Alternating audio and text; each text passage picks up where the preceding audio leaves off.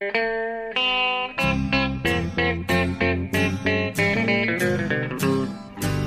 out there, we're on the air. It's hockey night tonight.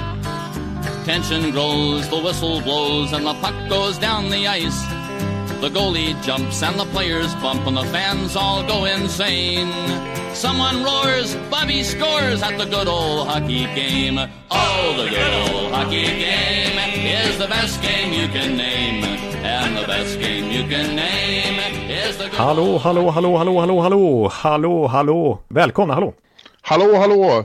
Som sagt, välkomna till NHL-podcasten. Avsnitt nummer 257 med den unga mannen ni just hörde, Jonathan Onskan Ekeliv i Örby, Stockholm. Ja. Och jag då, Per Bjurman i ett eh, småregnigt New York. Och eh, det här är ju då första riktiga, riktiga, riktiga avsnittet för säsongen. För nu, nu har vi eh, en, ett stort smörgåsbord av real action att prata om, Jonathan. Ja, verkligen alltså. Det de senaste veckorna så har vi ju haft våra preview-avsnitt och gått igenom division för division och lag för lag ju. Men nu känns det som Ja. att man, vi skulle kunna köra alla 31 lag igen och bara recappa. För det är så mycket man vill säga liksom. Och alla lag har gjort intryck på något vis. Antingen positivt eller negativt. Eller lite, jaha, liksom. Eh, Så att, eh, men vi får försöka koncentrera oss på, på vissa aspekter snarare än gå igenom allt igen va. Men eh, det, man är oerhört laddad för att vi faktiskt har kött på benen nu. Ja, det är ju verkligen eh, underligt att det, det har bara pågått en, en vecka och ändå så känns det som det finns så väldigt mycket att ta på. Ja, och det känns som att det som hände förra veckan, det känns nästan gammalt nu, för det har hänt så mycket och man är så ovan vid att det händer att det är matcher varje natt nu, så att liksom, det känns som att det var förra säsongen i princip, men det är ju bara några dagar sedan. Ja, samtidigt så är det ju de här brasklapparna man vill slänga in, eh, som jag börjar alltid med att slänga in innan säsongen börjar, att man eh, ska inte dra för långtgående slutsatser av det som hände i början, men, men det hjälper ju inte. Eh, jag dras ju med själv också att eh, man, får ju, man får ju starka intryck här av saker och ting, både av spelare, enskilda spelare och enskilda lag, att oj oj oj vad bra de är och gud vad dåliga de är, det här kommer att bli illa. Ja, exakt, och nu tänker man sig, vi kommer att prata om James Neal till exempel, men det blir ju, det blir ju 85 mål av James Neal. Vilken form han är i liksom. Oj, oj, Ja, oj, satt Anaheim Ducks, tre raka segrar, det är ju Stanley Cup-vibbar. Ja, ja vi kan väl, vi, vi, vi kan ju bara, det är bara att greppa tag i, i något här. Ja, det är lika Eh, bra, de har finns- så mycket trådar så ta, ta tag i en direkt. Ja, det det finns ingen given start. I och med att jag satt, eh, det här är ju, nu är det onsdag ja, förmiddag för mig. Eh, kväll för dig. För bara några timmar sedan satt jag ju då på, i NASA Coliseum på Long Island och såg när Edmonton tog sin tredje raka seger och fick sin, har fått sin bästa start på, på många, många år. Ja. Och eh, just som du säger, Real Neil James Deal. Neil. Eh, James Dean höll det på att bli nu. Ja, det var, det var någon annan. Annars har jag hört att Ja. han också fått smeknamnet The Real Steel Neal nu också. Ja, ja, han gjorde då fyra mål och är uppe i sammanlagt sex. Eh, och eh, det är ju en remarkabel comeback efter eh, en fiaskosäsong i Calgary som många såg som slutet på eh, James Neals karriär i princip. Det var ju fiasko monumentale som du skulle säga. Ja, men här snackar vi om rev- revitalisering när han har flyttat till den andra Alberta-klubben. Ja. Och eh, sånt är ju alltid kittlande att se. ja, precis. Även om det bara är tre matcher in nu som sagt, men ändå sex mål. Han slår alltså ett klubbrekord. Det är inte ens Wayne Gretzky har lyckats göra sex mål på de första tre matcherna i Edmonton Oilers historia. Att, Nej, eh, det är ju helt otroligt. I just den klubben där, som sagt, Gretzky, och Jari Kurri och, och Mark Messier. Messier. Ja, McDavid kan man ändå lägga till också. ja, där tror man inte att någon ska kunna slå några rekord alls. Men, men det gör Mr Neil. Ja, det, det är imponerande och eh, han har ju onekligen liksom smält samman här direkt med just McDavid och med Dreisaitl och så vidare. Och I powerplay och sådär. Det är ju den gamla James Neal igen nu. I alla fall här inledningsvis. Som man visar Ja. upp sig. Tillbaka med Dave Tippett som coach också. Han som ju tog fram Neal i Dallas en gång i tiden. Ja, det tror jag betyder mycket. Vi, du och jag varit ju i princip osams eh, på sms i natt om, om, om min teori om varför, varför det går bra. Att, eh, att eh, han spelade under Bill Peters, mitt lilla hatobjekt till Ja. tränare i Calgary. Att det, det är för att han slipper undan hans skugga som det går så bra igen. Det var ju, så jag överdriver ju såklart eh, Jonathan, men det är roligt när du blir arg. Ja, jag blev passivt aggressiv i natt. Ja, det är inte ofta du blir det, men det, då, då får man passa sig. Ondskan. Ja, då blir du verkligen ondskan. Ja, precis. Nej, men jag, jag, jag, vi har ju en, en pågående, ständigt pågående beef där och det är inte så att jag grejen, grejen handlar om så här att jag, jag har inte Bill Peters som någon stor favorit, men jag tycker att han är bra på vissa sätt, framförallt spelfilosofiskt så är jag lite Peters-fan. Men du är ju liksom totalt anti honom. Och eh, därför blir jag liksom lite, går jag igång lite grann, ondskan liksom tänds när du kallar honom för totalt värdelös och så vidare. Eh, men jag håller ju med dig att det är en, alltså i det här fallet med James Neal så är det såklart så att det att få lämna hans hårda nypor och det faktum att de inte hade någon bra relation eh, och få komma tillbaks till pappatippet liksom.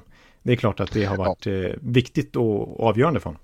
Det handlar ju om enskilda spelare som det inte funkar med för Peter såklart. Och, och det är ju såklart en, den avgörande skillnaden här är att han spelar med eh, fantastisk center medan det snabbt gick ut för Calgary. Han fick spela lite grann med Monahan i början. Eh, sen ramlade han ner i andra kedjan och till slut tredje kedjan och hade ingen center längre. Nej. Och en sån som han är ju väldigt beroende. Han är ju en utpräglad målskytt liksom, som behöver matas med puckar. Ja. Och, och, och, nu har han hamnat i så bra omgivning som det överhuvudtaget går att hamna i. Så det påverkar ju såklart. Precis, exakt. Och jag kommer ihåg att vi pratade lite om den här traden mot Milan Lucic då, i vårt Pacific-avsnitt. Eh, ja. Och då lyfte jag fram lite fler argument för varför jag trodde att det här skulle bli en väldigt bra trade för för Edmonton och framförallt så då handlar det om ekonomiskt då, liksom deras kontrakt och att eh, James Neal saknar signing-bonusar, han har ingen klausul vilket gör att han inte behöver skydda sig till exempel expansionsdraften om några år. Det är mycket lättare att köpa ut hans kontrakt än Milan Lucic som är en riktig stoppkloss på det viset. Men även sportsligt, jag menar, alltså James Neal är ju över 30 nu, eh, han var i final 2017 med Nashville, han var i final 2018 med Vegas och liksom hade två raka somrar när han inte riktigt hade tid att bygga upp sin numera äldre kropp. Men nu har han liksom haft en hel sommar igen, kommer laddad, lite utdömd, byter miljö. Mycket, på något sätt mycket att vinna nu också. Eh, mm. Och tillbaks med tippet. Så det kändes som att det var mycket förutsättningar för honom att studsa tillbaks. Och det har han ju verkligen gjort där inledningsvis. Så, mm. Men remind me, jag har för mig att du förklarade varför det här var bra för Calgary också. Men remind me varför de gjorde, varför de var med på den här traden. Eh, och få över Lucic, det är ju... Eh, ja, jag... varför, varför var det bra? Nej, jag, jag, kommer inte ihåg om jag sa någonting positivt. Jag kommer bara ihåg att jag argumenterar för varför Edmonton vann den här så tydligt, framförallt kontraktstrukturmässigt. Däremot så, ja. nej, tvärtom så sa jag så här att jag, jag försökte argumentera för varför Calgary gjorde den här traden, men jag höll ju inte med det.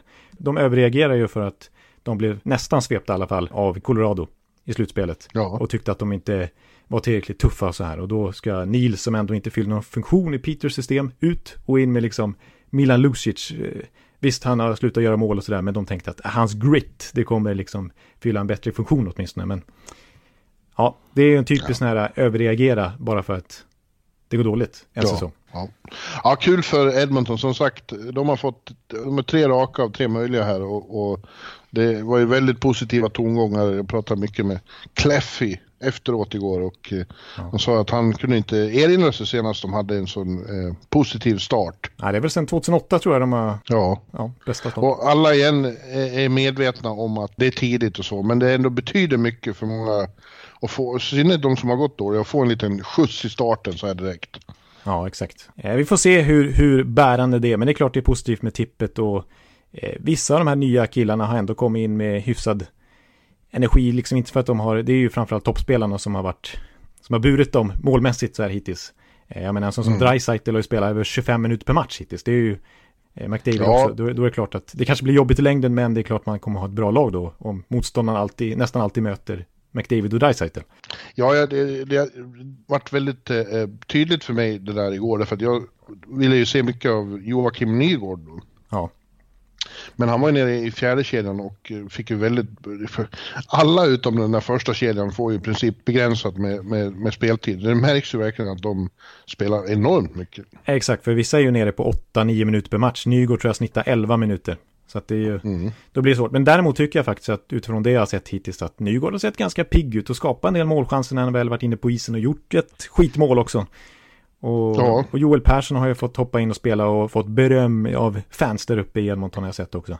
Nu har ju han fått chansen på grund av desto sämre att Adam Larsson har blivit långtidsskadad. Det tror jag kan vara tungt för honom. Ja, ja det är synd. Han åkte på en, han bröt ett ben i en fot. Eh, så det är svårt att åka skridskor. Ja. Mindre roligt var det ju för hemmalaget igår där då, Islanders. Eh, och eh, de såg inte alls ut som i fjol. Jag, skulle vilja påstå att inte en enda gång under fjolåret gjorde de en så platt figur på hemmaplan. Nej, det är ju anmärkningsvärt. Ja, och det mest anmärkningsvärda var ju att eh, Semyon Valamov inte var särskilt bra i kassen. Blev utbytt efter fyra insläppta och vad hör man från spridda rop på läktaren då om inte We Want Lenner? Ja, det är ju en dundermarkering mot Lamoriello. Ja, och det, det, det, sätter ju nytt ljus på den här konstiga affären. Varför gjorde de det här? Och då, då vill man gärna tro att det är så här att de gick ju efter Valam, de ville ju uppenbarligen ha honom. Ja. Och då då tror man ju att det måste ju vara eh, deras guru till målvaktscoach, Mitch Korn, ja. som har eh, sagt åt dem att där, där finns det material att jobba med, eller hur? Han, han har sett någon som, det där finns det, den där degen kan jag ja, det finns många... riktigt fint. Ja, det finns många konspirationsteorier i det här som jag inte riktigt är med. Det snackades ju också om att de gick hårt efter Bobrovski. Och att det var först när de tappade honom som de bytte till Valamo. Och då hade de på något sätt redan gått ifrån Lener mentalt på något vis. Ja, ja men hur som helst. So far har ju inte den vanliga kornmagin gjort något resultat med Valamo, för han var som sagt inte något vidare igår. Nej, precis, och det, det kan, kan ju ge snabb effekt på sina målvakter. Jag kommer ihåg redan att The Athletic skrev en artikel där de intervjuade Robin Lehner på försäsongen om hur mycket han hade påverkat hans spel redan då. Så det, ja. var, ju, det var ju från första nedsläpp som Lehner började spika igen kassan liksom. Eh. Jag pratade med en kollega där ute igår som vi, vi, vi pratade just om Korn och, och Lener. Eh, och det här vet jag inte om du och jag kom in på någon gång i fjol men, men, eh, men Robin hade då berättat tydligen att direkt han kom dit så lärde Korn honom att hålla klubban på ett annat sätt, högre upp. Ja, och, det är typisk Korn-detalj. Liksom. Mm. Ja, och, och Robin hade tyckt det var jättekonstigt men han, han eh, försåg att ja, det kan finnas en poäng här så han fortsatte och till slut plötsligt så insåg han det här blev ju mycket bättre. Ja, precis. Jag kommer ihåg att han poängterade så här grejer, vilken vinkel han skulle hålla nacken och sådär. När han, när han satt ner och sådana här konstiga grejer. Ja. Det var väldigt ja. mycket eh, vinklar och detaljer och som, som säger hur man ska hålla klubban och sådär. Men det vill ju till att, att, de, man, att de han jobbar med då också är öppen för eh, den sortens instruktioner och ta till sig det. Ja, nu ska han lära en gammal hund att sitta. Jag menar, Valamov, 30, ja, 31. Det är som att försöka få mig att göra nya saker. Liksom. Nu ska du lägga in texterna i det här programmet och så. Ja, precis. Nej, exakt. Det finns en poäng i det.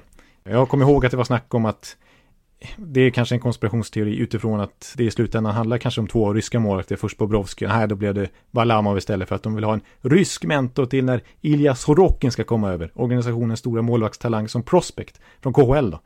Att mm. eh, de ska bonda sen när han väl kommer över till Nordamerika. Men ja, just nu känns det ju väldigt dumt bara att, att ha struntat i Lene på det viset. Ja, av så många skäl. Han är ju också folkhjälte där ute, som sagt. Direkt hörs det We want Lenner. Ja, Oj, precis.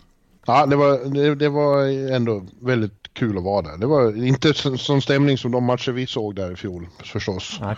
Eh, men, men ändå bra för att vara ett, ett möte med ett västlag. Liksom. I oktober. Ja.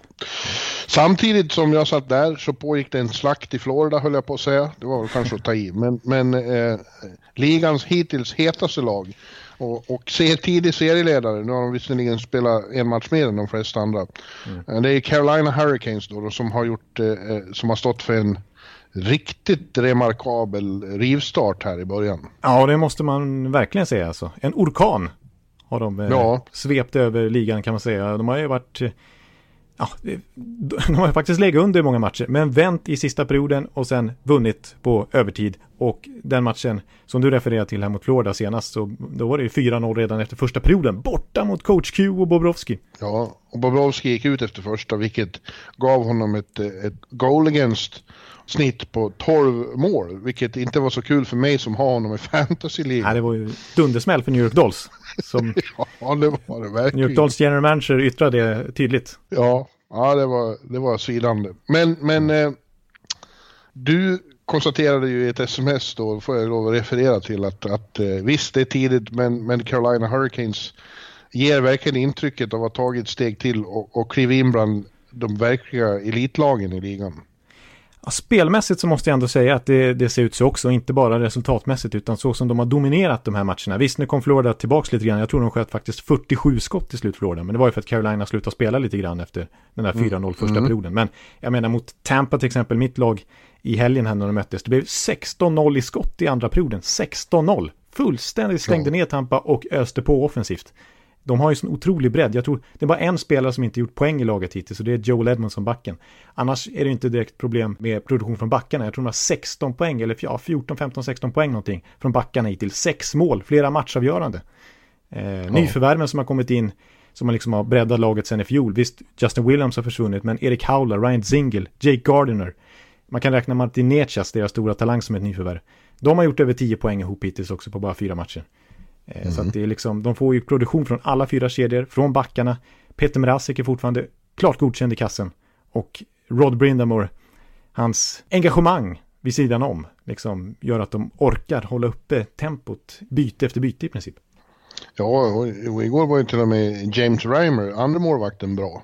Just det. Eh, han, eh, som man ju har nästan hånat för, för hans brister. Eh, ja. Mot gamla laget Florida då.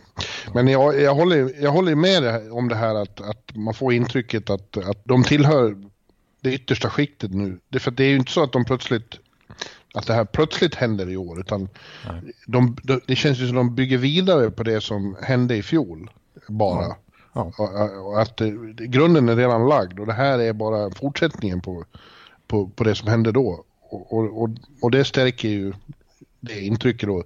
Ja. Det är också, tycker jag, jävligt kul att de, äh, de, de, har ju sån egen stil. Alltså just det här fruktansvärt eh, aggressiva offensiven. När de skjuter så in i helvete mycket. Ja, de skjuter ju bomba ju motståndarmålvakterna. Det är ju det är nästan skadligt för att vara borta keeper liksom. Ja. Och som säger, det kommer inte out of the blue. Visst, det, man kanske inte förväntar sig att de skulle gå till konferensfinal i fjol, men som vi var inne på i preview-podden där i Metropolitan, så liksom under 2019, andra halvan av säsongen, det är trots allt 40 matcher som hinner spelas under 2019, halvan av fjolårssäsongen här. Eh, då var de det bästa laget i öst efter Tampa. Så att det var ja. en lång period, tre, fyra månader där, som i grundserien i fjol, som de var ett riktigt, riktigt topplag. Och så gick de ju också till konferensfinal. Ja, ja de, är inne i, de är inne i något slags eh, eh, stim som har pågått länge. Hade det här varit liksom något som kom out of the blue nu så hade man ju varit mer avvaktande kanske. Men, men jag tycker det här bevisar att, att eh, det är något riktigt stort på gång i Raleigh. Och det, det, det sker ju utan att de har sin andlige ledare med sig eh, i Justin Williams. Han ja. har ju en paus och får vi väl se som pensionering. Han kommer inte behövas. Nej, precis. Han kanske dock blir inspirerad då. Ungefär som ja. Mike Fisher blev och ville plötsligt hoppa på tåget igen när han såg en contenderchans hos Nashville. Ja, Carolina till final säger vi. Ja, det slår vi fast nu efter fyra matcher. Det är såklart. De är, de är bäst. Det blir Carolina-Edmonton i final. Ja, Precis är... som 2005, 2006. Möjligtvis hotade av Anaheim Ducks. Ja. ja, kul. Nej, men eh, ja, jag tycker ändå att vi kan, vi bör kanske inte säga så, men, men jag håller ändå med mig själv lite grann i mitt sms där, att de är ett topplag på riktigt i alla fall. Ja. Mm. Huruvida eh, ett annat lag som har full pott men lider av att eh, de har fått ett jävligt underligt schema här i början är ju då New York Rangers. Eh, de, eh, de spelade två snabba matcher och sen blir det plötsligt ett uppehåll på en vecka. De spelade senast i lördag så spelar de inte igen förrän kommande lördag och, och sen blir det faktiskt uppehåll igen till torsdagen därpå. Det är lite synd, ja, det är lite synd och eh, tråkigt för, för heta spelare i laget och då tänker jag ju framförallt på Mika Zibanejad. Ja. Som, eh, som bara sprängdes ut ur, ur startblocken här och har leder poängligan redan efter bara spela två matcher. Han gjorde fyra poäng per match. Ja, precis. Alltså apropå eh, slå Gretzky-rekord och så här så var det faktiskt så att eh, Zibanejad åtta poäng på de första två matcherna. Det har ingen gjort sedan Jaromir Jagr 95-96. Så att det, det, är ingen dålig start. Nej, och håller det snittet så blir det 360-70 poäng någonting. Ja, jag såg någon som eh, twittrade det. Zibanejad som pace for almost 400 points. Ja. det är inga konstigheter. Ja. Nej, men det, där har vi ju inte eh, samma känsla av att de har, har klivit in i en ny dimension, Rangers. Eh, utan mer att eh, ja, det är i alla fall skillnad mot de här senaste två tunga åren. Att det har hänt något och det är mycket mer positiva vindar. Eh, nu börjar de, nu hade det, det var lite två underliga matcher där. Winnipeg eh, hade de lite flyt som vann mot. Winnipeg var ju bättre för större delen av den matchen. Ja. Och, sen, och sen hade de Ottawa borta då och Ottawa är inget bra. Det, det kan vi då redan slå fast. Ja, de ligger redan sist, precis som förväntat. Men, men ändå kul, eftersom jag nu ser så mycket av Rangers, så är det kul att, att eh, de, de spelar ju väldigt attraktiv hockey nu då, offensivt. Mm. Att de har så mycket artister. Några av de målen Mika har gjort har ju varit jävligt snygga. Ja, och säkert, klapp, klappspelet där. Ja, med, med Bushnevich och, och eh, Panarin ja. Eh, i Ottawa. Det var ett riktigt, det var väl årets hittills ja, snyggaste mål. Det tycker jag är snyggaste målet hittills i. Mm. Ja, och, och, efteråt sa han ju bara att ja men det är så de spelar ryssarna sa han. Det är inte tråkigt att spela med två ryssar, det är bara att hålla sig med och att pucken kan komma tillbaks. Ja, men, nej, men jag måste säga, jag vill faktiskt eh, verkligen understryka Zibanejad's start här alltså. För ja. att det, visst, de har två raka segrar och du sa att de kanske inte har imponerat extremt mycket ändå som lag. För att kollar man här till exempel, av de tio mål som Rangers har gjort hittills så har Zibanejad varit inne på nio av tio mål. Ja. Ja. Och eh, bakåt så har han varit inne på ett i boxplay. Eh, de har släppt in fyra till. Så man kan säga utan Zibanejad på isen så är Rangers 1-5. Med honom så är de 9-1.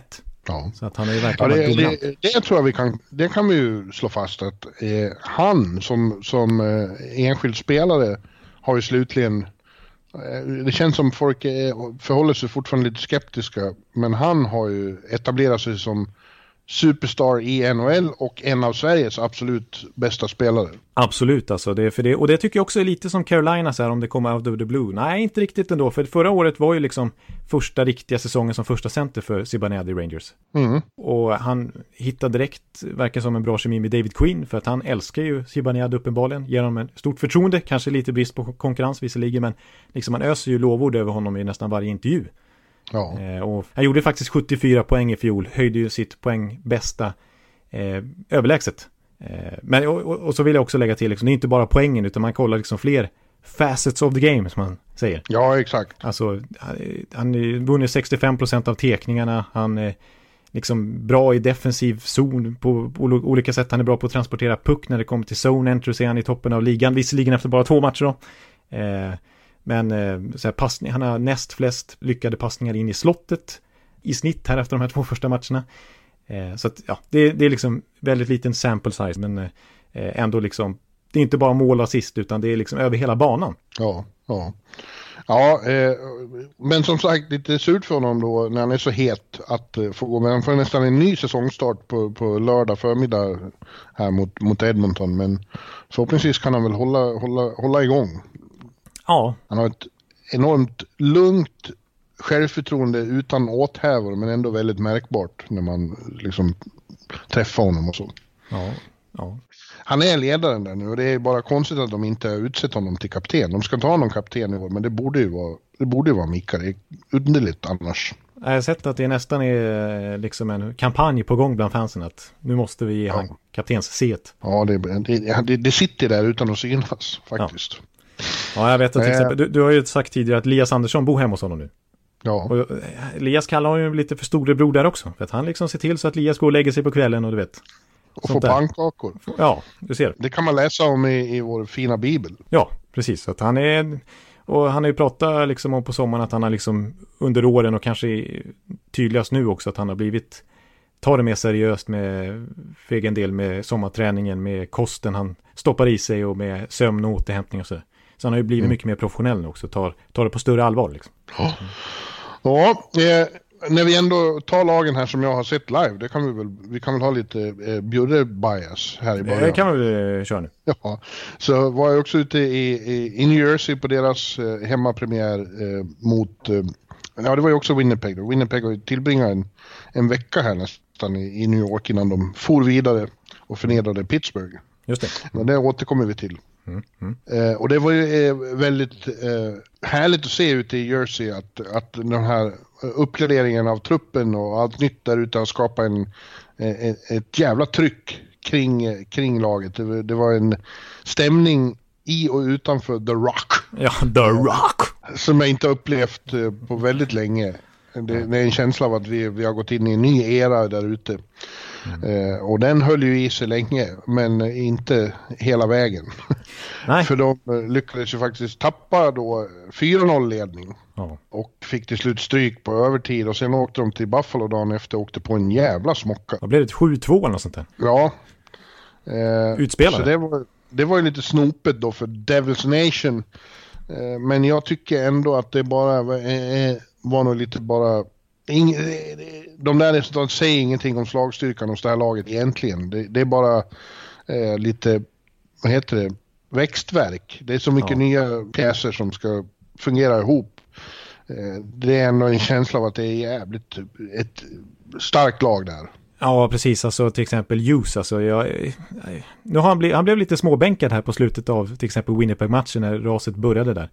Och, Ja. men, men alltså när, man ändå, när han ändå har pucken, visst han slarvar lite på blålinjerna sådär och är lite valpig kanske, men oj vilket spel han har i sig som man ser. Ja, ja men det var lite, han var det första matchen också, han var lite, jag tror han var lite tagen av stundens allvar. Eh, Ja. Lite för försiktig skulle jag vilja säga. Snarare än att det varit för mycket slarv. Ja, men jag tyckte också så här, och jag märkte det på Gusev också att han, han slarvar lite. Det var, Heinz markerar ganska tydligt där liksom i slutet att nej, ni, nu bänkar vi er faktiskt. Ja, men Gusev, vilken, vilken härlig, vilken hockeyspelare. Ja, nej, alltså han, är, han, han har ju, min gamla klassiska liknelse är att eh, nervtrådar ut i klubban. Ja, just det. Men, men det där är ju också väldigt typiskt för unga spelare som är helt nya i ligan att eh, när det börjar gå emot som det gjorde där, de börjar tappa in mål, så det, då kan det bli lite skakigt.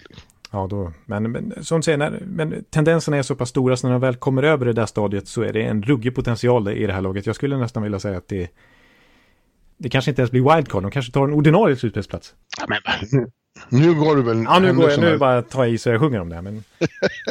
Nej, jag är trots allt imponerad av deras start ändå. Ja, det var som Subban sa efteråt i omklädningsrummet där, att det, det här är ju ingenting att vara orolig för. Vi, vi mötte ett, vi är unga och gröna, vi möter ett lag med eh, extremt rutinerat med stor erfarenhet av stora matcher på slutet.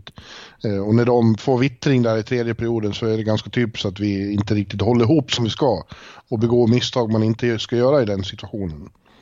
Eh, Jag tycker att de spelade tidvis grymt kul hockey, Devils. Det ska bli, det ska bli jävligt kul att följa dem. Instämmer 100%. Kväll, vi får se ikväll. De har en svår bortamatch mot, mot Flyers. Ja, Flyers hemmapremiär efter Europa-äventyret. Ja, Annat lag som jag har hypat. som ju var väldigt kort. Det var ju bara en match och det skulle vi väl kanske verkligen akta oss för att dra slutsatser av. Men, men de såg bra ut där mot Chicago. Ja, det gjorde de faktiskt. Indikerar åtminstone den förbättring vi förväntar oss. Ja, men nu låt oss hugga för av några andra som, som har gjort eh, starkt intryck i början och varit bra. Det, där har vi ju Anaheim som har tre raka, vi har Boston som har tre raka.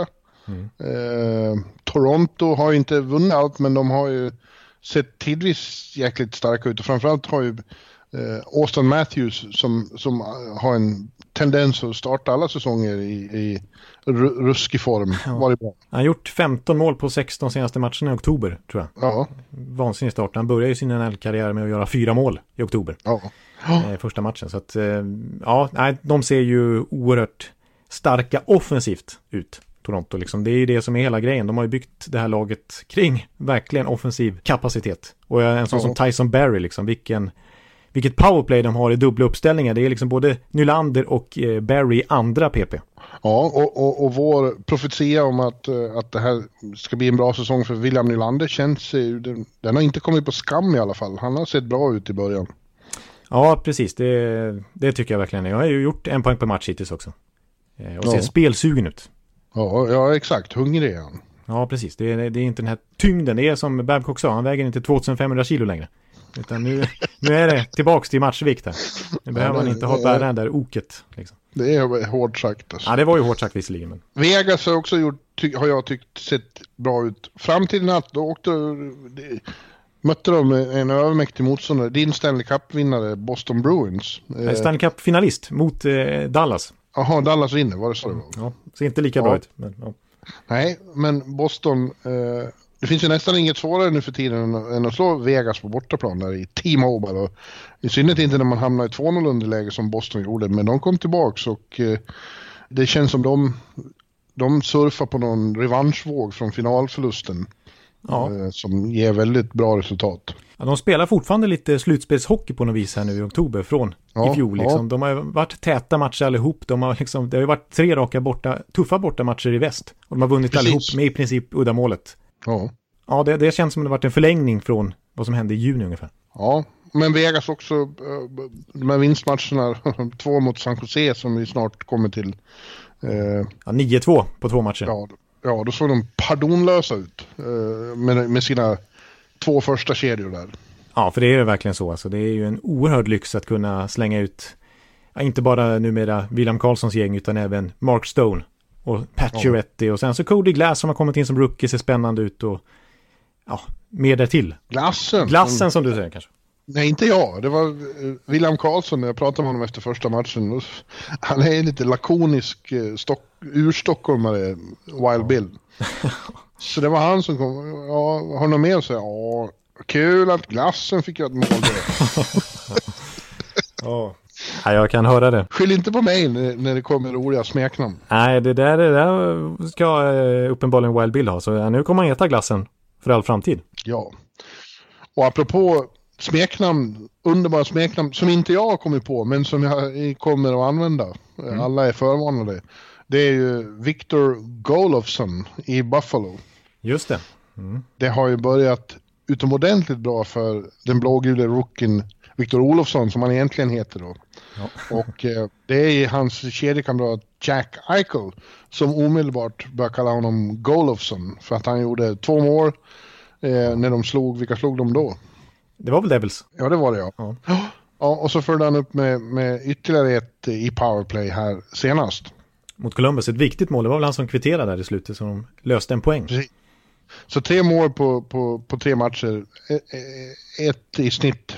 Och det, med det leder han ju faktiskt rookie-ligan då, Viktor. Ja. Som visserligen, han spelade i, i Nordamerika hela förra säsongen och fick, fick debutera på slutet av säsongen. Men, men nu har han ju katapulta in sig som, som, som first, first line, given first line winger.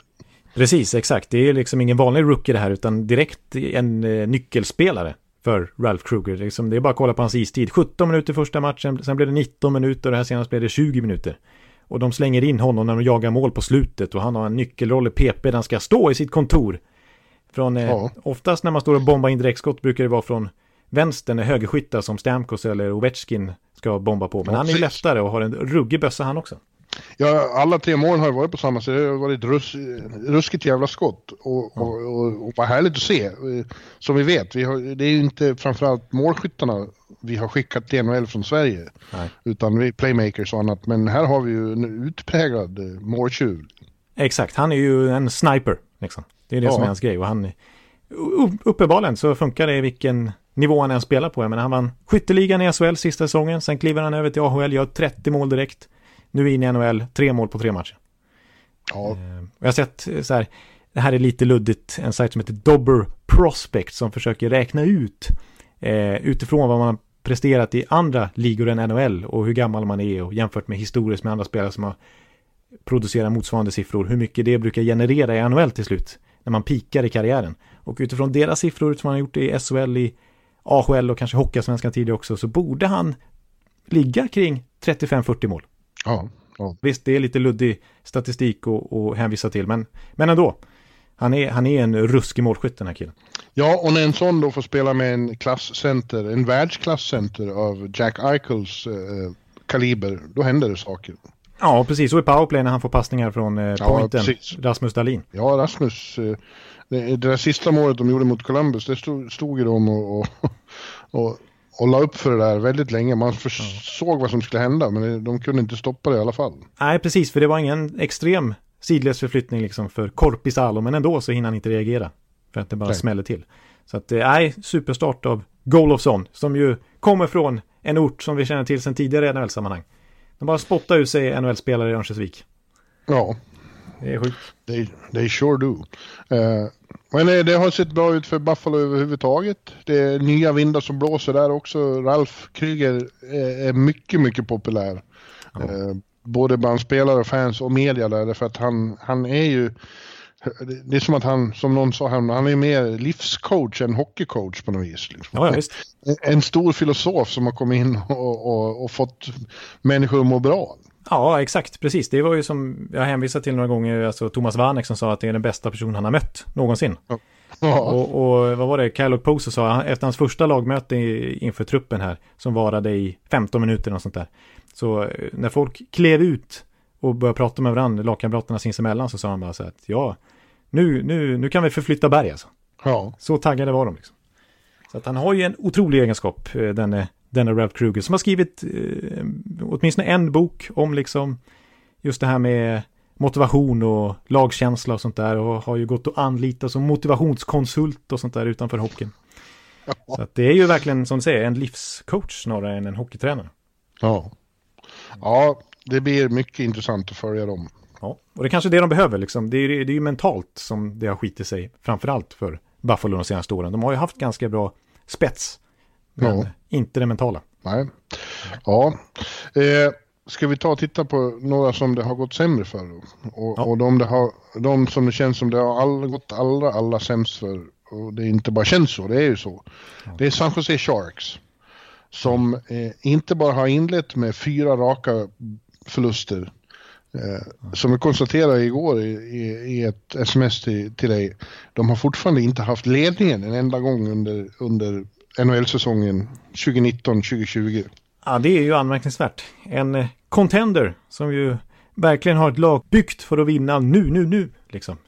Ja. Det, det, det är så att fönstret liksom stänger igen snart kanske för Burns och Vlasic och sådär. Och de har knutit upp Erik Karlsson på ett monsterkontrakt och sådär. Eh, men eh, ja, inte börjat bra. Börjat trögt och jag tycker inte det har varit orättvisa förluster heller. Det har varit ganska stora siffror, framförallt i Vegas-matcherna. Men om man kollar underliggande siffror ser det inte jättelovande ut heller. Släppt till 21 fler målchanser bakåt än framåt till exempel. Nej, det har inte sett bra ut på någon punkt och Martin Jones har, har inte varit bra. Nej. Nej. Det var Evander Kane igår, det var ju nästan så att han, att han, han sa aldrig hans namn, men han sa att det var otroligt frustrerande att eh, de skaffar sig momentum och, och ligger på bra och, och, och har tre, fyra byten i rad när de verkligen känner att nu är på gång och så blir det en slumpchans åt andra hållet och det smäller direkt. Ja. Nej, det ger ju ingen trygghet i laget liksom när man vet att det kan smälla till i egen kasse när som helst. De, motståndarlaget behöver inte bygga upp momentum utan de kan få det gratis. Liksom. Ja, ja nu, nu tar de ju då det drastiska steget och, och knyter till sig en gammal ikon och klubbveteranen eh, där. Marlowe, Patrick Merlot. Ja, han har kommit tillbaks. Jajamän. Han skriver ett kontrakt på 700 000 eh, och hoppar in, möter laget i Chicago när de kommer dit idag. Och, och, är eh, San Jose Shark igen, där han spelade 19 säsonger. Innan han eh, hamnade i Toronto på treårskontrakt. Och från Toronto blev han då i somras tradad till Carolina och Carolina köpte ut honom direkt. Vilket det säger något om att det kanske inte är frälsaren som kommer in här. Nej, visserligen inte, men snacka om att eh, Marlowe ville tillbaka till San Jose, flytta tillbaka med hela familjen till San Jose redan i somras. Ja. Eh, och accepterat, för de hade ju någon slags tyst överenskommelse verkar som att Visst, vi kanske kan ta tillbaka det, men nu vill vi verkligen ge våra unga spelare chansen på campen och inte lägga in en 40-årig stoppkloss där, utan du får acceptera att vi kanske inte kommer plocka in det. Men nu blev det ju kris, de har haft lite skador också. Marcus Sörensen har gått sönder och här i början så var ju Evander Kane avstängd, kom tillbaks på ett bra sätt nu mot Nashville. Men... Ja, och så missade ju Erik Karlsson premiären då, och det Just var ju obehagligt där ett tag, för vi fick bara besked någon timme innan att uh, han kommer att missa av personliga skäl. Eh, och då blir man ju, det lät, låter alltid obehagligt. Men det, det var ju bästa tänkbara scenario. För dagen efter fick vi veta att Erik äntligen har blivit pappa då. Eh, till en liten dotter. Och det var ju underbara nyheter med tanke på mycket som har hänt tidigare.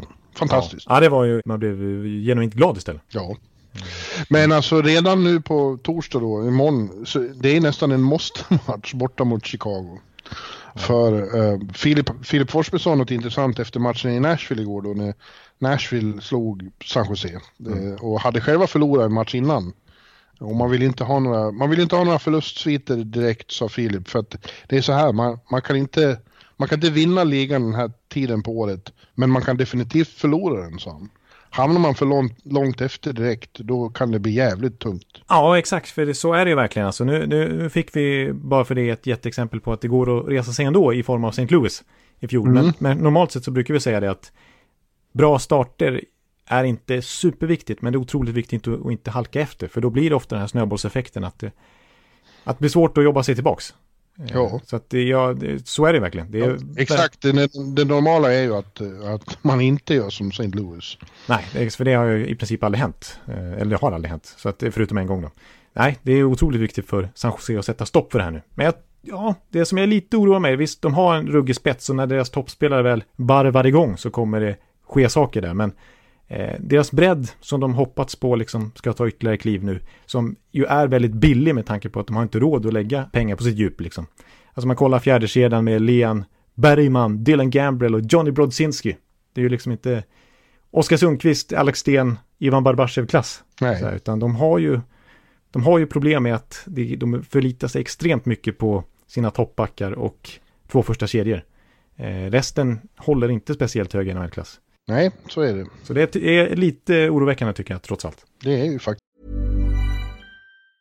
Quality sleep is essential for boosting energy, recovery and well-being. So, take your sleep to the next level with Sleep Number. With a Sleep Number smart bed, you can individualize your comfort level and enjoy a better sleep night after night. JD Power ranks Sleep Number number 1 in customer satisfaction with mattresses purchased in-store. And now the Queen Sleep Number C4 smart bed is only $1,599, a saving of $300 only for a limited time. For JD Power 2023 award information, visit jdpower.com/awards. Only at Sleep Number stores or sleepnumber.com. Just det. Oroliga är de även i västra Pennsylvania. För eh, Pittsburgh har, har eh, halkat omkring som ett fyllo här i början av... Eh, det var hårt. ja, ja, men de, de gjorde riktigt... Första matchen var riktigt eh, usel faktiskt. Eh, mot... Eh. Jag glömmer bort. Buffalo ja. Eh, och de var själva upprörda efteråt att de inte var hungrigare än så. Nej. Ja, så studsade de tillbaks då mot Columbus. CD Crosby fightas och sådär för att få igång laget. Ja, men sen åker de på en smäll igen då mot Winnipeg. Ett Winnipeg utan, som redan har en väldigt eh, brandskattad backuppsättning och sen åker på en massa skador så de knappt får ihop en backuppställning. Och ändå Nej. vinner med 4-1 i, i PPG Paints då. Precis, jag hörde att det var beatreportrar för Winnipeg som var rädda att de själva skulle behöva hoppa in i backuppsättningen. ja, ja, ja, precis. Eh, och ändå slår de Pittsburgh. Men nu har ju Pittsburgh åkt på själva betydande skadeproblem. Verkligen. Framförallt verkar det som att Malkin tyvärr blir borta länge. Ja, det låter ju som att det är ju knät, så det låter ju som eh, minst en månad och det har pratats om hela hösten och Ja. kanske in i december liksom. Det har ju de behov av som de har behov av ett, till, ett hår i huvudet. Liksom. Ja, Det är ju inte bra. Eh, visserligen har det traditionellt varit så att när den ena i den där two-headed monster-konstellationen blir skadad så blir den andra som allra bäst. och på något sätt så, så känner den ansvaret att verkligen kliva fram liksom. Ja, men nu så försvann, Hörnqvist försvann och åkte också på någon slags knäsmäll igår. Fick ett skott på sig. Det är långtidsskador på Eh. både Bjugstad och Brian Rust. Ja. Och eh, det, ja, det är, men vi har ju varnat för det här redan innan säsongen att det, det känns som eh, det tiltar åt fel håll i Pittsburgh. De är på väg i samma riktning som Chicago och LA efter sina storhetstider.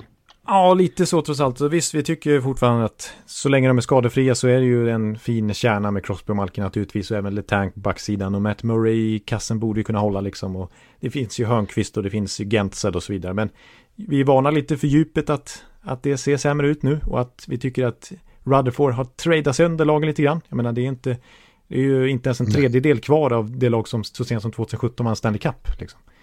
Nej, Eh, Och Nej jag tror, och, och- just det här med att eh, motivationen, att, att de inte är lika hungriga längre.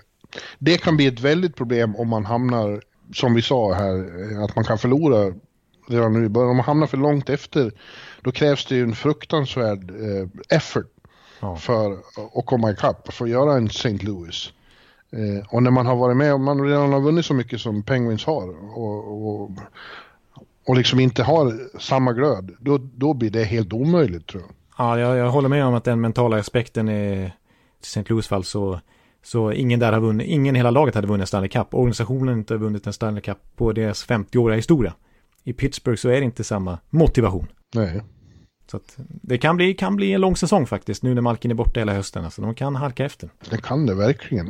Och jag vill säga också, apropå, apropå Pittsburgh måste jag bara säga att oj, vad har hänt med Pittsburgh som sportstad? Denna otroligt vassa sportstad under många år. Som jag haft eh, väldiga framgångar i, även i amerikansk fotboll inte minst. De hade ju Killer Bees. Nu kanske inte alla som lyssnar på NHL-podden här har koll på Le'Veon Bell och Ben Roethlisberger och, och Antonio Brown. Som var så bra där. Alla är borta från eh, deras amerikanska fotbollslag Steelers under ganska kontroversiella omständigheter. Deras MLB-lag slutar sist i divisionen och det är inte riktigt samma hype kring Penguins längre heller. Vilken oväntad parentes. Ja. Håller du koll på amerikansk fotboll? Det hade jag ingen aning om. Ja, men lite grann eh, följer jag ändå faktiskt. Eh, ja. Så jag vet ju att Pittsburgh Steelers har varit ett, en riktig dynasti. Och när, när, sådana, när en sån som du säger lite grann, då vet man att du egentligen har järnkoll. nej, nej, men det har jag faktiskt inte. Jag det. nej, men när en nörd själv inte tycker att han har järnkoll så har han ändå superkoll. Jämfört med oss andra. Ja, jag, jag, jag har nog, jag, har, jag hänger med i alla fall. Men jag, skulle jag hamna i någon NFL-podd då skulle det skulle, det skulle bli svårt. Ja, men du kan alla, du kan alla quarterbacks och så. Ja, ja. ja näst, nästan i alla fall. ja, titta jag visste. ja, ja, det är underbart. Men nu ska vi prata, fortsätta prata NHL. Mm. Och eh, Dallas Stars höll ju på att hamna lika illa som San Jose. De eh, åkte på tre raka förluster och det höll på att bli en till smäll i Washington igår. De hade 3-2 och i sista minuten så, så kvitterar Niklas Bäckström. Otroligt frustrerande för Dallas. Ja, men, det var mycket hängskallar då, så jag trodde de skulle åka ja, på en förlust till. Men direkt i, i, på övertid så, så räddar eh, Tyler Seguin eh, kvällen och partyt och gör mål. Eh, han och Radulov kommer fria, eller i två mot en och, och fixar det och det var uppenbarligen en enorm lättnad i Dallas. Ja. För de är ju tippat topplag. De ska ju vinna enligt somliga från Örby. Ja, precis. Det är lite jobbigt här nu när folk slår upp NHL-bibeln kanske, för den finns ju i butik sen i tisdags här. Eh, ja, just det. Ut och köp, ut och köp. Vi rekommenderar verkligen 116 sidor NHL, men just uppslaget där jag tippar NHL, det kan ni hoppa över. 100, 116? Ja, 116, ja precis. ja, du sa det. Ja, oklart. 116 men... sidor, ja. Ja, precis. Men eh, jag rekommenderar folk att... 116 olika sektorer. ja, precis. ja, men, eh, men jag rekommenderar eh, som sagt 114 sidor utöver kanske det här uppslaget där jag tippar NHL. ja, ja, just det. Ja, men men eh, i deras fall så har det inte sett lika spelmässigt krampaktigt ut som för San Jose. Mm. Eh, jag tror det, men det betydde mycket för att bryta den förlustsviten. Nu tror jag det blir en mer normal fortsättning för Dallas. Ja, precis. Exakt. Ja, de, de, alltså grejen är att spetsen märks verkligen. För trots att de har ja, bara vunnit en match av fyra hittills så har de faktiskt marginellt eh, fler eh, high danger scoring chances. Så att de kommer ändå till riktigt farliga chanser. Däremot märker man att jag är lite orolig för bredden här också. För de har lite problem att föra matcher. När liksom tredje fjärde kedjan är inne så är det inte riktigt samma tryck. Heller man kollar till exempel, jag läste upp eh, San Joses fjärde kedja om vi tar Dallas. Består den av Nicholas Camano, Rhett Gardner och Justin Dowling. Eh, nu när till mm. exempel Corey Perry inte är med. Eh, skadad. Så att det, det är liksom... Ja, de har lite problem med förra matcher. De har, jag tror de faktiskt har negativ course hittills. Men just när det kommer till high danger scoring chances, de riktigt farliga målchanserna där det krävs spets för att liksom komma in riktigt i slottet. Där, där är de marginellt bättre än sina motståndare hittills. De är bra Dallas, men lite orosmoln också nu när, när, när de har lite skador. Ja, ja men ja, igen, jag tror att det betyder mycket att de fick vinna nu. Att uh, allt blir normalt igen. Ja, jag tror på Dallas fortfarande. Ja, du har inte bytt efter Nej, jag kan inte byta efter fyra matcher. Så, så dum får jag inte. Nej, det kan du faktiskt inte. Plus att vi sa i våran sista podd där i Central-avsnittet att jag tror både du och jag underströk det att vi nödvändigtvis inte trodde att Dallas kommer gå rent i grundserien här utan det är framförallt som ett slutspelslag vi håller dem högt. Ja. Ja, har några andra vi kan prata om? Eh, St. Louis har ju, regerande mästarna har ju också varit väldigt bra. Eh, de har tappat en poäng. Eh, men i övrigt eh, sett ut som de bara fortsätter från där de slutade i, i våras. Det var också Oskar Sundqvists intryck när jag pratade med honom att det känns bara som, ja, vi bara fortsätter. Ja, jag håller med om det och en sån som Binnington ser ju minst lika bra ut igen. Ja, eh, faktiskt. Så man behöver inte vara så orolig för honom tycker jag. Eh, nej, jag tycker det är ganska starka segrar borta mot Toronto och ingen lätt uppgift. Eh, går att vinna den mm. matchen. Så att, och med, ganska övertygande ändå tycker jag också. Så att, nej, jag håller med dig. St. Louis känns starka och eh, jag läste någon storyline här som kan bli intressant. Pietro Angelo sitter ju faktiskt på utgående kontrakt. Kaptenen. Ja. ja. Men att eh, Doug Armstrong är tydlig där att han vill ha en, en, en kultur som är lite som Boston. Som är lite som Tampa, men kanske framförallt som Boston, för det är det bästa exemplet tycker jag där, jag menar Tampa kan man ju skylla på skatteskäl och sånt där, att, de har skattelättnader. Men i Boston är det ju verkligen etablerad kultur att man ska inte ta för hög lön, utan där, är, där är ju David Krejci har tjänat mest på 7,2 och sen strax under Bergeron och Marchand och så vidare och Pasternak. För att man vill behålla laget slagkraftigt som möjligt så att man har råd med att ta in fler spelare och behålla kärnan. Liksom. Och i St. Mm. Louis fall så, ja, det verkar inte vara jättenära än så länge med Peter Angelo om ett nytt kontrakt. För man kommer inte skicka upp ett marknadsmässigt kontrakt, utan de kommer förvänta sig att han ska ta lite mindre. Liksom, eh, Ryan O'Reilly och eh, Tarasenko tjänar mest på 7,5. Det var de två lagen som möttes i finalen som hade ganska, eh, som har spelare som bara tjänar 7 miljoner max liksom. Eh, ja, det är intressant. Så, så att där vill Doug Armstrong fortsätta. Att, ja, är du inte med på det Peter Andley, trots att du är kapten, trots att du är jätteviktig för det här laget, ja, då kanske vi släpper dig liksom. Ja. Mm. Intressant att de sätter tonen på det sättet, för det känns också som att det faktum att de två var i final har satt en lite ny ton. Det är ju en copycat-liga säger man ju jämt det här. Ja. Eh, att, att fler söker det de har, eh, det vill säga, ja de är moderna på det här med, med snabb och, och, och, skicklig hockey, men med, också med tyngd i, i grunden. Ja. Jo, det, är ju, det är ju signum för både Blues och Bruins. Och det känns som, det är flera som försöker skaffa sig det med Washington till exempel. Uh, skaffa mer grit i, i, längre bak i leden. Ja. Uh, Rangers skickar, skickar ner Hytil till AHL men, men skriver kontrakt med Healy. Ja, och till exempel Calgary som tar in Milan Lucic istället för James Neal. Ja. Och Tampa som tar in Pat Maroon. Och de, till och med Gorton, eh, Rangers general manager, sa det när, efter en sista, sista försäsongsmatchen mot Islanders så vart det en, vart en tuff och hård historia där eh, Matt Martin-kedjan malde ner Rangers ganska duktigt. Och han, han gick ut och sa rakt upp och ner, jag tycker den sista försäsongsmatchen visade vad som behövs i ligan nu. Och skrev kontrakt med Healy. Ja, ja du ser. Ja, det är lite så det funkar. Vi, vi, det blir spännande att se framåt trade deadline också om den typen av spelare helt plötsligt får ett uppsving igen och blir ja. värda första och andra val helt plötsligt. Ja, ja mycket intressant. Eh, vi, kan inte, som du vi kan inte gå igenom alla 31 lag, nu har vi nästan gjort det, men kan, kan nämna att det, Vancouver har inte liksom exploderat i början. Vi, vi, det fanns väl förhoppningar och, och, och kanske förväntningar på att eh, Elias skulle Elias Pettersson skulle bara... Eh, Växla upp till och med. Ja, mm. men eh, inga mål än och, och ganska... ganska man, vill inte, man har inte varit katastrofdålig, men de har inte varit nära att vinna. Nej, precis. Det har inte varit... De kanske är lite tagna av att plötsligt ha lite förväntningar på sig. Eh, ja. De har ändå plockat in en hel del spelare under sommaren. Furland och eh, Myers och JT Miller och sådär. Och jag menar signalerat att de går för det nu. De skickar ett första val till Tampa till exempel. Så att det, Eh, det är en annan perception på dem, en annan syn på dem inför den här säsongen och då, då kommer det förväntningar på Elias och gänget också. Ja, Elias är ju ingen som någon blir chockad av längre bland motståndarna. De, eh, ja, tvärtom, nu är en sån han man markerar och pratar om inför matchen. Ja, han är scoutad ordentligt nu. Ja, så det kanske, kanske kan bli en lite tuffare start på säsongen för dem än vad de hade trott. Jo. Ditt lag, vi måste ju nämna Tampa också, annars Usch. skulle det vara konstigt. eh, inte så bra har det varit. Mm. Kapten Stamkos var riktigt förbannad efter senaste matchen.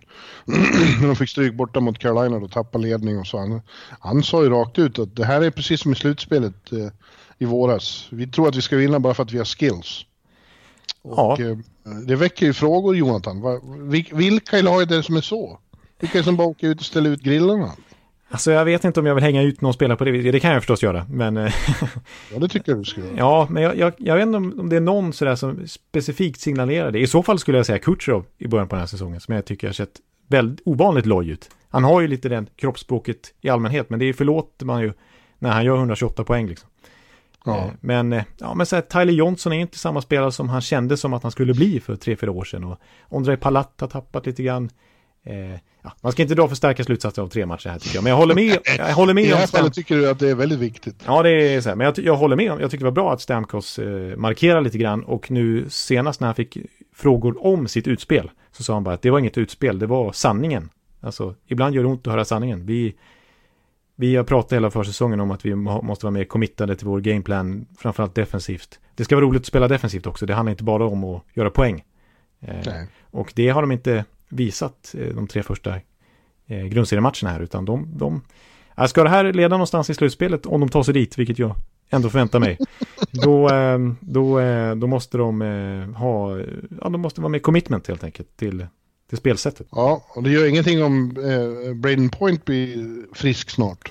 Ja, det är lite surr om att han ska spela redan på torsdag här i, de möter Borta Toronto. Toronto, ja just det. En tidig liksom så här statement-match. Ja. Ja, det blir spännande. Ja, det är spännande. Men jag, jag kan nämna en spelare till som jag tycker, inte i Tampa då, som jag tycker vi kan lyfta fram. Nu gjorde han inte mål i sista matchen, men han ligger också på fem mål. Eh, och det är ju Anthony Manta i, i Detroit. Ja, just det. Fantastisk i- insats. Han gjorde fyra mål här. Precis, han gjorde fyra mål mot Dallas. Ja, Eh, den kedjan känns som att den har blivit ett år äldre och ett år bättre faktiskt i Detroit. Den kanske inte kommer bära dem till slutspel, men det, det är ju en bra kedja med Bertuzzi, inte minst Larkin, också då Manta. Mm. positiv start för Detroit. Det är ändå lite kul tycker jag. Nu, nu tappar de eh, 1-0 ledning efter, efter det underliga målet igår. Eh, vad heter han? Filip... Filip Hr- Hronek. Chronikas stod och matade slagskott i stolpen eh, och i stolpen och fick ny chans att till slut bara dynga upp den i krysset. Ja, det var en eh, speciell sekvens. Men, eh, ja, men sen tappade de mot Anaheim som också har så- ja, har ju startat positivt med John Gibson i rasande form direkt. Precis, och faktum är att förra året så började ju Anaheim 5-1-1. De började ju kanonbra rent resultatmässigt då också. Men skillnaden nu jämfört med i fjol, om man kollar på de underliggande siffrorna, det var att de blivit totalt utspelade i fjol. Jag tror första matchen hade de så här 28% i Corsi, alltså så här skott, skottantal mot respektive för. Eh, och nu så ligger de ändå runt 50% och de spelar en snabbare hockey, de spelar en roligare hockey, de spelar en smartare, bättre hockey, fyndigare hockey. Eh, och när Gibson dessutom är på, på sånt här humör, då, eh, då är de ju bra, Anaheim. Ja. Att, mm. Men jag vill säga det här med Mant också. Vi får se om det kan bli, om det kan starta en trend. Det är inte, det är inget nytt för hans del, men han har ju gjort, eh, han gjorde ett bra VM där han öste in mål, eh, delade poängligasegern i Kanada med Mark Stone. Eh, och nu har han börjat väldigt bra med massa mål här. Han har ju en speciell klubba, en helvit klubba med vit tejp. Till skillnad Ja. från alla andra, för att han tänker att den kamouflerar sig med isen, så att det blir svårt för målakterna att se när han avlossar sina skott. Ja, det var ju intressant eh, nörderi. Ja, så att eh, om, eh, om han fortsätter att dynga in mål efter mål här, då kanske det är något som andra börjar kopiera. För att det kanske ligger någonting i det trots allt, att, att det är svårt att uppfatta när han avlossar sina skott, när, när man knappt ser klubban. Ja, ja. I- Intressant hör du. Ja, ja men ska vi nöja oss med, med en timme här i, i premiärpodden? Ja, det, det låter väl rimligt. Som sagt, vi kan inte gå igenom alla lag varje gång. Nej, det blev Det kanske inte 22 nu, men Ja, ja, vilka har vi inte nämnt? Vi har inte nämnt, eh, vi pratar inte så mycket om Toronto, inte Montreal, inte Philadelphia, inte Florida, inte Columbus, Chicago. inte Colorado. Nej. Colorado har ju börjat börjat bra. Eh, Ja, Chicago bara spelar en match, så det är svårt. Arizona har vi inte nämnt. Minnesota som har varit väldigt svaga i början. De kommer få problem Minnesota, det, det, har vi sagt och det, så blir det. Så blir det. Ja, nu har vi i alla fall nämnt alla lag. ja, precis, exakt. Så att, men vi kanske har lite extra fokus på vissa av de lagen när de har fått visa upp sig lite mer. Ett Chicago till exempel nästa vecka. Absolutely. Ja, ja men då, då, då tackar vi så mycket för att ni är med oss fortfarande i NHL-podden. En ny säsong är igång. Och eh, vi kör på Ja. Året ut naturligtvis, säsongen ut. Ja visst.